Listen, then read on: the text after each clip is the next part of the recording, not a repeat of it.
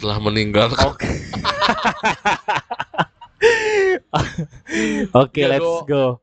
Uh, apa, apa kabar Dion? Baik, baik. Eh lu tau gak dok yang Ki Joko bener meninggal? Ki Joko Bodo. Oh iya kita turut berduka cita juga Iya, dia untuk Ki Joko Bodo coy. meninggal. Setahu Iya. gua dia udah tobat ya. Udah Untungnya tobat ya udah nggak jadi dukun lagi ya.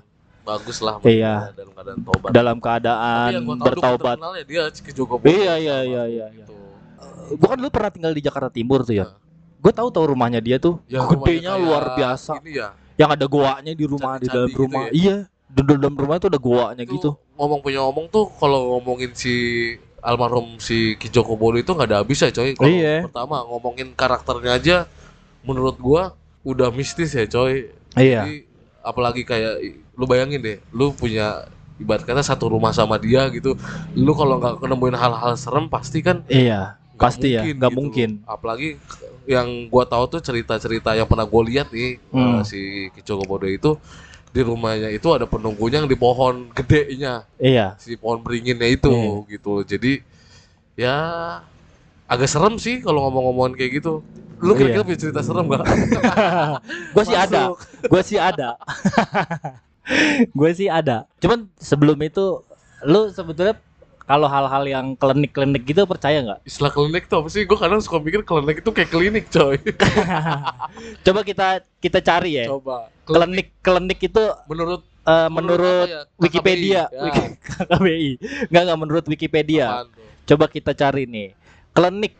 Kalau klinik tuh the bahasa Inggrisnya occult asik occult nih kalau menurut Wikipedia ya kita cari yang sumber yang sangat-sangat.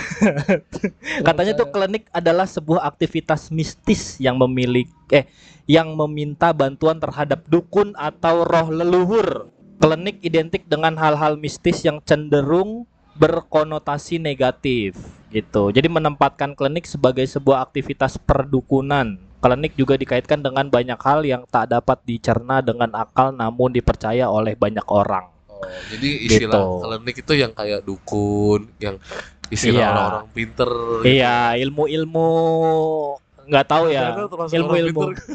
Pertanyaan gua. Sulap itu klinik bukan? Dia kayak hiburan. deh. Kan Hiburan ya. ngomongin- Cuman ngomong-ngomongin orang deh. Iya. Tapi hilang. tapi perdukunan Ya, tau lah. perdukunan bohongin orang nggak? Oknum. Jadi kita nggak bilang Sebelah- dukun itu nggak iya. ya. Ok- Ya, oknum. sih, oknum. Ah, ah. Gitu. Emang masih ada dukun nih sekarang kan? Ya, gara-gara pesulap merah kali ya. Jadinya tuh kayak Pesulap apa? merah. pesulap pesulap merah lu suruh gabungin suruh nonton kebaya merah. iya. Nggak jadi serem dong ini. Nggak jadi serem. serem Iya. sih. Heeh. Tapi sebenarnya gua tuh kalau cerita horor itu waktu Oh, langsung kecil. masuk. langsung masuk. Langsung masuk nih. Ya pokoknya gua kalau cerita horor tuh sebenarnya gimana ya kalau klinik tuh gua gimana ya mau nggak percaya tapi ada gitu loh. Iya. Betul betul. Iya kan? Mistis tuh kayak mau percaya ya udah gitu loh. Ya ada sih karena kan tapi kalau mau percaya nggak bisa di nggak bisa dicerna dengan logika gitu Tapi coy, itu lu nggak inget zamannya tahun lalu tuh dulu dulu dulu tuh dunia lain sama uka uka tuh iya udah sih booming booming booming boomingnya dunia klinik kan. Jadi orang Betul. dibodohi sama para para oknum Oh. dukun yang menurut lu yang bisa tiba-tiba ngomong kesurupan dengan gampangnya gitu Iya. kan. makanya kayak Jadi- gitu-gitu cuman kalau cerita horor ya paling gua waktu it- waktu kecil kali ya kayak gue pernah tinggal di Jakarta Timur. Nah itu dekat rumahnya Ki Joko Bodo itu. Rumahnya Ki Joko Bodo kan sebenarnya ada di apa di Pondok Gede kan? Jadi setannya cabang buaya. nggak tahu gua. Tapi Buangan situ. tapi a- tapi gua tuh eh, tahun 2003 lah. 2000 ya 2003 gua tuh dari gua tuh pindahan dari Bali. Anjay. iya. Beli. beli. Jadi gue tuh dulu pernah tinggal di Jakarta, terus gua tahun 99 tuh gua ke Bali sama keluarga gua. Gara-gara bapak gua karena harus kerja di sana kan. Jadi Oh, lu anak diplomat ya. Tapi ke Bali. enggak, enggak, enggak. ya itu karena gue jadi broadcast masuk broadcast ya gitu. Gara-gara kan bokap gua kerja di PH. Kantor pusatnya di di Bali. Dia bikin buka kantor cabang di Jakarta gitu. Ya udah ke keluarga ke sono. Habis itu gua SD di sana sampai kelas 3 gua ke Jakarta, gue tinggal di Jakarta Timur. situ Oh, arah-arah daerah lubang buaya. labang Bro. lubang buaya pondok gede gitu kan terus gua ngontrak lah di salah satu rumah Iya. jadi rumahnya itu susunan yon jadi ada lima lima Ah. rumah di situ Berjejer lah ya. berjejer karena itu rumah udah penuh semua empatnya yang kedua tuh gua harus dapat yang terakhir tuh dapat ujung. paling ujung paling pojok gue itu dapat di situ Oh. udah ada tuh par- pertama kali Nah, di tinggal ujungnya itu tak dulu nih, di ujung rumah Hmm. lu itu ada sekat tembok atau apa? ada tembok jadi tembok sekat tembok Oh, jadi lima lima berjejer lu ujung Oh, enggak, itu sekat tembok. nggak ada nggak ada jadi ujung enggak enggak enggak maksudnya maksud Jalan-jalan gua aja gitu ya. langsung langsung berderet Oh, berderet. deret lima Tapi lima nggak ada- kontrakan Nggak ada ketemu jalan-jalan. nggak ada gitu nggak kan? ada langsung langsung berderet itu cuman di situ tuh memang lingkungannya memang agak serem sih depan pohon depan rumah gue tuh ada pohon nangka coy jadi kayak 50 meter 50 meteran gitu dah dari rumah gue tuh ada ada ini ada pohon nangka Pohon nangka. Iya, Kalau pohon nangka potong, gede banget. buahnya itu am- sampai dikarungin coy Oh. kalau ini nangkanya Punya orang punya orang bukan punya gue apa yang punya nangka berarti dia tukang nangka. iya pokoknya ada gitu dah nah kayaknya sekitar dua mingguan sebulanan lah Nangkanya matang. Pokoknya satu bulanan gue tinggal di situ tuh nggak ada nggak ada gangguan apa-apa. Cuman sampai sekitar 2-3 minggu lah tinggal di situ tuh nggak ada apa-apa. Terus abis itu se- setelah tiga mingguan gitu, adalah tuh mulai-mulai terjadi hal-hal yang di luar nalar gitu. Contohnya? Contohnya tuh kayak ada suara berisik di arahnya tuh kayak dari arah belakang rumah gua. Berisiknya Berisiknya tuh suara kayak ibu gosip gitu. Iya kayak orang kayak orang ngobrol terus kayak Hah? ada orang pesta gitu. Pokoknya rame kan. Wah, orang ketawa-ketawa gitu-gitu. Hah. Ya kan? Oke lah. Kedengeran suara kayak gitu. Mungkin disangkainnya orang tua gua. Mungkin itu ada pesta di belakang rumah di belakang rumah gua tuh ada rumah juga. Jam berapa lu dengar? Itu tuh jam kayak jam 1 jam 2 dengernya. Malam lah. Malam lah. Lalu bikin dong pesta kan. pesta malam-malam. Ya kan mungkin aja kan orang orang nikahan Iya, iya konda apa bu, eh, hajatan kan bisa sampai segitu coy bisa sampai Berisik lah ya kayak berisik lah ya. iya pedang dutan gitu-gitu kan ada gitu tapi ini nggak ada suara musik suara kayak orang ngobrol ketawa-ketawa gitu loh berisik banget pokoknya Kan bapak lu pemusik ya. makanya abis itu pokoknya. Iya. nah kan habis itu udah. Tapi anehnya suara berisik ini kok terjadinya hampir setiap hari gitu. Tiap hari ada ada aja gitu suara itu tuh ada terus. Hmm. Sampai Anehnya. bulan selang berapa hari? Pokoknya sampai selang satu minggu lah pokoknya. Hmm. Begitu kan. Jadi di akhir bulan itu lu digangguin selama satu minggu. Satu minggu tuh aduh so berisik banget dah. Udah dah tuh bokap gua ngecek lah ke belakang, ke belakang rumah. Iseng gitu. Eh ke belakang rumah, pokoknya jalan ada jalannya lah tuh eh, ke belakang rumah itu. Hmm. Udah jalan di sini kayaknya nggak ada apa-apa, tapi siang itu bokap gua ke situ. Bokap gua siang ke situ. Terus habis itu ya udah terus nanya ke, ke belakang rumah itu kan belakang rumah ada ada rumah lagi tuh. Nanya lah tuh bokap gua ke situ kan. Hmm. Bu atau gua nggak tahu bu atau pak gitu. Pokoknya Sis gitu. ya nggak tahu eh besti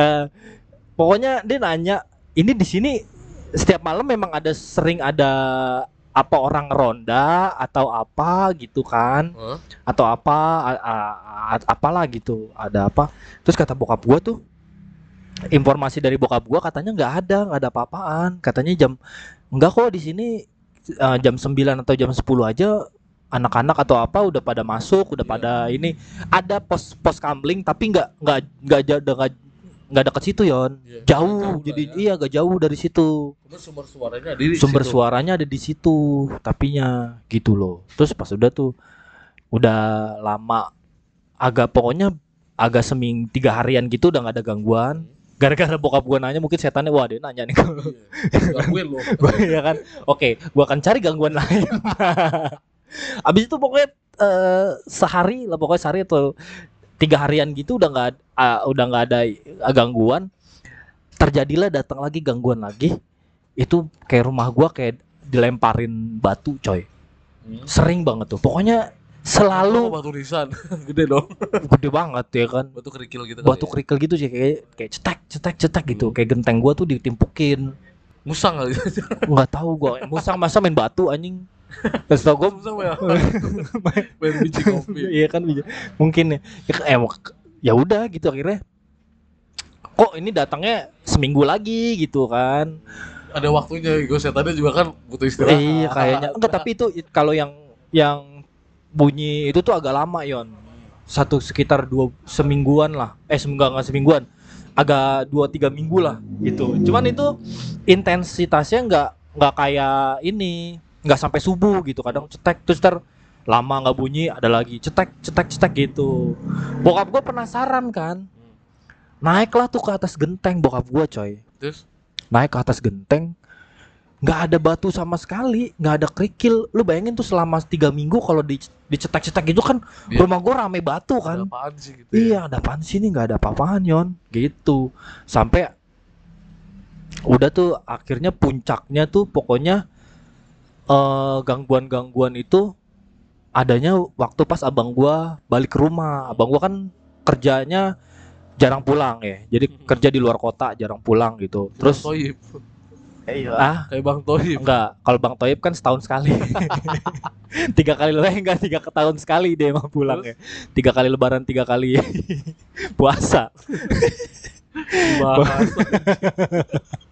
Ya pokoknya pokoknya puncaknya di situ lah. Abang gua pulang sehari dia nginep di rumah gua Hmm. nggak ada gangguan apa apa terus Terus- lu intinya nggak tahu lah di hari-hari pertama. Eh nggak di pokoknya di hari pertama ya dia nggak ada gangguan apa apa hari kedua dia nginep di rumah gua jadi pulang tuh satu minggu dia. Libur pulang ke rumah satu minggu di rumah. Terus? Dia dua hari di saat hari pertama dia tidur nggak ada apa-apa. Ya paling cuman kedengaran cetek-cetek mungkin karena abang gua kecapean jadi nggak denger lah teman kan yang denger kan bokap nyokap gua tuh sama gua juga denger gitu kan. Ada orang sering nimpukin rumah gue gitu kan. Udah tuh di hari kedua abang gua ini rumah. di rumah dia denger suara ini coy. Jadi abang gua tuh tidur di depan. Ya kebaca gue terus? Iya, pokoknya deket deket jendela aja pokoknya tidurnya gitu. Terus abis itu eh, abang gue tuh denger suara langkah kaki sepatu TNI coy. oh yang Itu kan yang brok brok prok brok gitu brok brok terus ada kayak ada kedengeran kayak suara orang yang wow ya gitu gitu pokoknya. hmm. Kayak gitu denger brok brok brok brok gitu. Terus kita semua tuh nggak ada yang cerita sama abang gue soal kita kena gangguan itu yon Hmm. kena gangguan yang orang rame di Iya.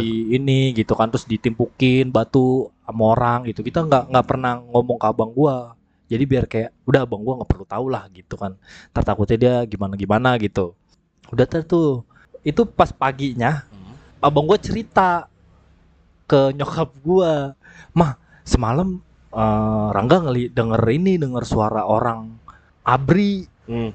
masa malam gue bilang gitu tapi abang lu nggak kepo ke jendela gitu atau apa Enggak, abang gue cuman kayak ya namanya orang ngantuk ya jam 1 jam 2 kan rep-rep gitu kayak apa gimana sih? Iya, agak-agak Ng- ngantuk tapi sadar- kedenger sadar iya sadar iya gitu. Apaan sih ini suara apa gitu loh. Ya udah tuh akhirnya abang gue cerita sama nyokap gue ada denger suara sepatu TNI gitu kan ya. Ada abri eh, baris gitu pokoknya. Gini. Masa sih mama nggak denger gini-gini gitu. Mama gue nggak mau cerita pokoknya pada saat itu Pura-pura lah ya. pura-pura nggak tahu ma gue udah dah tuh hari ketiga abang gue nginep di sini nih puncak ya puncak Puncak. komedi. puncak komedi puncak komedinya bukan puncak horornya di sini udah abang gua tidur pintu diketok coy pintu luar diketok. Terus?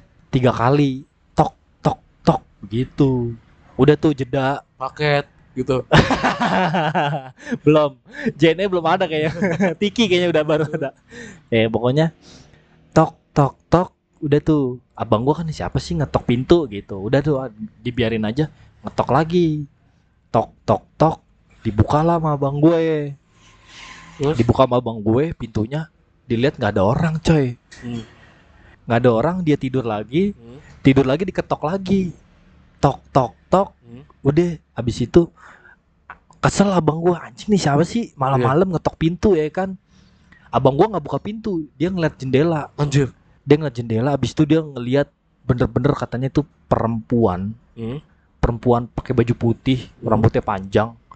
Itu tuh kayak depan rumah gua terus agak jauh sekitar Yang nggak Eh, jauh dari pohon nangka itu. iya nggak jauh pokoknya dua di depannya pohon nangka itulah pokoknya Hmm. gitu diri di situ dia ngelihat terus Tapi dia nggak ganggu banget. Itu sudah diganggu udah sebenarnya. ya? diganggu coy itu masalahnya gua udah dua tiga bulan Dia pengen kayak dimension aja anjing iya gua gitu. iya gua gua udah tiga bulan tinggal di situ udah digangguin coy masalahnya kan udah tuh tapi kita ya udahlah biarin aja gitu udah di disolatin di ngajiin sama bokap gue juga tetap aja. Iya. kayaknya juga ngajinya pinteran setannya deh. Terus ya kan? Akhirnya lu berta- bertahan berapa lama di situ? pokoknya tiga bulanan pokoknya bulan keempat gue pindah gara-gara yang ini gua apa yang ada salah satu rumah di situ pindah. Jadi udah gak ada temennya lu ya. Iya, jadi jadi udah. Jadi tuh abang gue tuh udah langsung yang paginya tuh yang semalam gue diketok pintu, pintu diketok katanya gitu.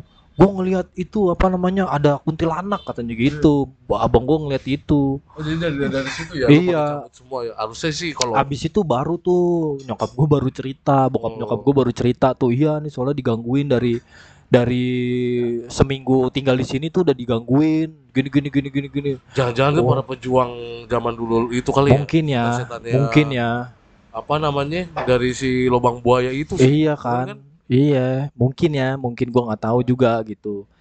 Nah, udah tuh habis itu abang gua tuh udah udah nyuruh pindah, udah jangan jangan tinggal di sini lah, pindah-pindah gitu. Iya ya, nanti cari rumah. Ini juga lagi nyari-nyari rumah gitu katanya Iya, betul. eh, kata bokap gua gitu. Udah jangan tinggal di sini nih nggak orang rumah digangguin emang nggak emang enak apa tinggal Kadang kan digangguin gini gitu. secara nggak langsung tapi kan menurut gua secara psikologis kan kita kayak keganggu ya iya sih. kan malam-malam jadi vibe-nya kayak jelek terus Iya. bawanya kemut ya nggak sih kayak gitu iya. belum lagi tuh ada yang kesurupan loh Makanya itu aja belum belum kejadian ada yang kesurupan loh. iya sih Nah, habis itu yang rumah tengah Iya. kan dia, dia ada lima tuh Ah. lima lima deret kan yang rumah rumah tengah itu yang rumah nomor tiga pindah akhirnya lu tinggal di isi satu dua empat lima. Iya satu dua empat lima gue. Akhirnya gue ngomong lah ke pemilik kontrakannya itu. Nyokap Hmm. bokap gue ngomong saya mau pindah deh ke tengah gitu. Terus? udah tuh gue tinggal abis itu setelah gue pindah di situ udah tiap malam. Pokoknya selama abis itu gue pindah ketiga? di rumah ketiga gue pindah ke rumah ketiga itu. Setelah itu ya pokoknya sampai gue pindah ke sini ke Jakarta Selatan Hmm. abis itu gue udah nggak nggak pernah digangguin lagi ya Hmm. sampai situ tuh udah tenang tentram gitu. Mungkin kayak ya itu jadi kan kadang kita nggak tahu ya Iya. mungkin itu rumahnya kali ya. Iya. Tapi tapi ada satu cerita lagi nih. Jadi pas lagi ada orang-orang rame-rame Hah? itu nyokap gue pernah ngomong ke tetangga. Oh terus? Ke tetangga sebelah rumah. Terus? Kata kat- nyokap gue bilang gini "E, itu eh, kadang suka denger nggak sih? Jadi kayak lagi biasalah nyapu nyapu di Iya, depan rumah ngobrol gitu ya, ngobrol-ngobrolan ibu-ibu. ibu-ibu ya kan iya gitu. Denger nggak sih suara-suara di belakang rumah gitu? Terus katanya? Katanya enggak nggak nggak pernah denger gitu. Berarti artinya kan di rumah gua doang itu yang kedengerannya. Saat mungkin Dengar keluarga suara-suara. suara, yang akan diganggu gitu. Iya mungkin ya gua nggak tahu sih. Kayak gitu.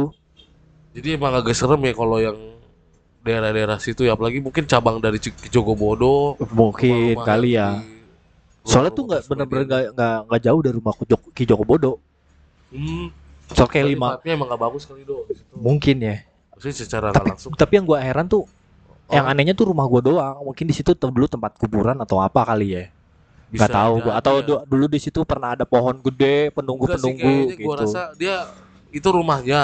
Cuman secara nggak langsung dia nakut-nakutin biar lu pada pindah kali. Kayaknya Jadi lu gitu. biar kayak, ini kan tempat gua gitu. iya iya iya Itu sih mungkin ya menurut- gua ya iya gitu. Gitu Jadi lah. emang secara selama kita masih hidup sih menurut gua ya, ya berdampingan ya sih. Berdampingan gitu. Iya. Karena kalau ngomongin urusan dunia lain ya gue juga pun pernah ngalamin hal-hal kayak begitu sih do sebenarnya. cerita lu apa ya? Gue lebih secara random sih. Mungkin gua pernah lihat eh, si sosok Kunti itu memang benar nyatanya ya bentuk perempuan. iya Tapi kalau secara cerita, kalau kalau secara cerita ya gue pernah pernah aja sih kayak ditunjuk-tunjukin batu-batu gaib, kayak hal-hal kayak gitu loh do. Jadi oh ada satu momen yang gua lagi santai-santai di ruang tamu tuh gua lu tau gak sih yang batu merah delima itu yang warna Batu merah iya. Hmm. Yang kalau kena air nyala. nyala betul Iya, kan lu pernah iya, iya, pernah iya. lihat Pernah kan? lihat Nah, gua. itu gua ditunjukin itu eh, satu kali waktu itu jadi gua lagi di ruang tamu tiba-tiba dia kayak jalan gitu do di atas gua terus eh, berhenti di hadapan gua di depan gua itu langsung jatuh do kayak batu itu tapi pas Batu ini nggak ada- terbang gitu. Hah? Batunya terbang gitu kayak. Kayak lu tau cicak gak sih cicak kan ke tembok nah Iya. dia kayak ngeraba tembok batunya Oh. nah jadi udah lewat udah di hadapan gua tiba-tiba jatuh bunyi kan petak Iya. nah, gua cari tuh nggak ada Esa- eh, besokannya gue ceritakan sama Hmm. nyokap gua Hmm. gue nemu ini nih batu ini ini ini ini gitu kan di ruang ini gitu kan kata nyokap gua ah masa sih gitu kan oke gua masih dianggap gila waktu itu mungkin. Jadi terus ada momennya lagi selang dua hari deh kalau nggak salah. Akhirnya gue nonton sama nyokap gue tuh larut malam pokoknya. Gue inget banget Iya. malam banget. Kayak satu sampai jam 2 gitu. Iya. itu eh, akhirnya akhirnya eh, nyokap gue ngeliat secara dengan mata kepalanya dia sendiri do. Jadi cerita gue nggak dianggap gila waktu itu. Dan memang dia dia ngelihat dengan kayak ah, bener gitu cerita lu. Iya, itu iya. sih lebih yang kayak ditunjukin batunya itu terus tiba-tiba yang memang loncat udah hilang lagi jadi yang kayak sense apa buat rasa-rasa hal-hal kayak gitu gua udah kayak pernah ngalamin terus belum Iya. lagi ini masih di kejadian di rumah ya itu ada ada yang namanya gua kan bujang lapar di jam Iya. satu jam dua buat masak mie Hmm. terus ada lagi di toilet gua tuh tiba-tiba kayak ya tutup botol kayak loncat gitu loh dok ke pintu Oh iya terus iya yang gue iya. iya. berusaha buat kayak santai gitu tapi ya gue pikir ya namanya juga orang ya gue takut karena kan gue di situ ya sebenarnya bisa dibilang ya gue nggak mau terlalu ambil pusing sih hal-hal kayak gitu Iya. cuman ya gue yakin hal itu ada nah gue punya cerita yang baru-baru lagi Baru-baru recent nih, anjay. Nah, jadi ceritanya tuh kan gue masuk ke kantor baru nih di Kantor di- baru. ya kantor baru Iya. lah, di kerjaan baru Di mana tuh? Di daerah mana? di daerah Sleepy Iya, oke. dekat Twin Plaza Oh, wow itu gedung-gedung lama Gedung ya. lama. Iya iya iya. gua iya. akhirnya gua masuk shift malam ceritanya itu Shift. di jam eh, 2 sampai jam 9 malam. Lu bayangin kan kalau office Jam kan 2 siang, siang dong. sampai jam, Jam 9 9 malam lu malam. baru balik. baru Oke. balik. Jadi Hmm. di situ kan ada part yang kita itu hari Minggu gua inget banget. Itu Hmm. Minggu gua masuk shift siang dan memang kan office-nya udah memang nggak ada. Jadi kayak ya otomatis yang yang yang aktif ya di Di kantor lu gua. doang, Cuman iya. ya ada bagian divisi gua memang jatahnya itu masuk. Iya. Gue di situ belum lama sih kerja seminggu ya. Jadi pas Iya. kebetulan gue dapet di jam eh, 2 siang itu ke arah malam. Iya, itu shift duduk- shift shift- shift shift- shift shift 2 dua. ya, shift 2. Dua akhirnya gue duduk ya kan di depan PC. Gue sama senior gue di kanan. Gue udah gue udah kalau udah ada kayak hal-hal yang menurut gue tuh aneh. Lu tau gak sih yang lu ngerasa pandangan lu tuh selalu keingin ke satu Iya, ke satu titik itu, mulu terus. iya Nah, ya. Kalau udah ada gitu ya. Gua Energinya soalnya. energinya kan kuat Iya. ya akhirnya gua ngetik-ngetik di depan PC gua ngomong sama senior gua gua bilang bang lu di sini pernah ada kejadian aneh nggak gua gituin Iya. Karena gua jujur ya gua bilang gua udah harus ngomong nih gua ngeliat di titik itu terus tuh gua gituin Iya. dia nggak mau jawab gua pikir ya udah ntar kali dia akan cerita nanti pas lagi di luar ruangan itu akhirnya gua udah skip tuh gua Balik. ngambil kopi gua ngambil Oh, kopi ke kopi. pantry jadi ada satu ruang interview yang kosong tuh do dan kebetulan Iya. ada di samping gua di belakang Oh. akhirnya gua bikin kopi bla bla bla lu tau gak itu itu sekitaran jam 8 apa jam 7 tuh gua ngambil bikin kopi Iya. gua nengok lu tau gak sih kayak cewek tuh ya gue gue sebelumnya udah lihat jadi kayak nggak kaget dan Iya. dan dan memang tuh kayak lu tau nggak gambar perempuan dan memang blur blur blur Iya aja, iya iya blur. iya. iya. gue ngeliat ke kanan ah gue udah dapet jawabannya dan di situ emang anjing gue merinding parah sih kalau kita itu Wih. wih. gue udah merinding Hmm. gue ngomong kan pas lagi gue eh, sorry gue setelah setelah lihat itu gue langsung duduk lagi senior gue ngajak tuh ayo kita ngopi yuk ngerokok di, di luar di luar gedung Oh. turun di lantai 8 akhirnya karena gue di lantai 23 Iya. turun di lantai 8 gue ngobrol-ngobrol-ngobrol udah dilanjutin deh balasan gue Yang tadi lu tanya di kantor. katanya sebelum gua senior gua ada namanya cewek itu di situ juga pernah lihat perempuan karena dia sekelibat itu kayak memang kayak orang lari do lu tau gak sih kayak bayangan X-Men ya Iya. Bret. Cuman set gitu iya ya. gitu kan tapi gua udah pernah bilang di sini tuh dia sih nggak ganggu mungkin karena gua baru kali ya emang di situ ada cewek dia bilang gitu Oh. dan cerita gua diiyain dibenerkan karena Dibenarkan. memang ada sosok perempuan di situ di di ruangan itu karena ya gua ngerasa kayak gak tau ya feeling gua tuh untuk hal-hal kayak gitu terlalu kuat do ya gua Ah. kalau misalkan gak ada apa-apa ya gua bilang gak ada apa-apa tapi kalau ada satu titik yang gua akan lihat di situ lu tau gak sih nyerap energinya itu ya Iya. kayak, ayo lihat gua lihat gua lihat gua Iya iya iya iya. Energinya Itu pasti ke situ terus. kuat jadi yang Kuat. gua bilang oh oke deh gitu kan tapi ya mungkin gue positifnya ya dia mau kenalan kali sama gua gitu Iya, kan harus harus kayak kenalan eh gua ada lo gitu. Ya, kenalan dan gua kan orang baru Oh. di situ gitu loh jadi yang sekarang ya secara secara dua alam ya udah kita berdampingan aja sih selama kita nggak ganggu Iya. gitu kan bener dong Betul, betul, betul, betul. itu sih paling yang yang baru-baru yang gua punya cerita sih kalau lebih horor sih ya lebih horor serem lagi nggak ada duit Iya, aduh, Tanggal itu tua. tanggal tua. ya nggak Iya. itu sih lebih horor sih ketimbang dari hal-hal yang lo ngelihat makhluk-makhluk astral Iya. Ada lagi satu yang paling serem Yon. apaan tuh Di telepon pinjol.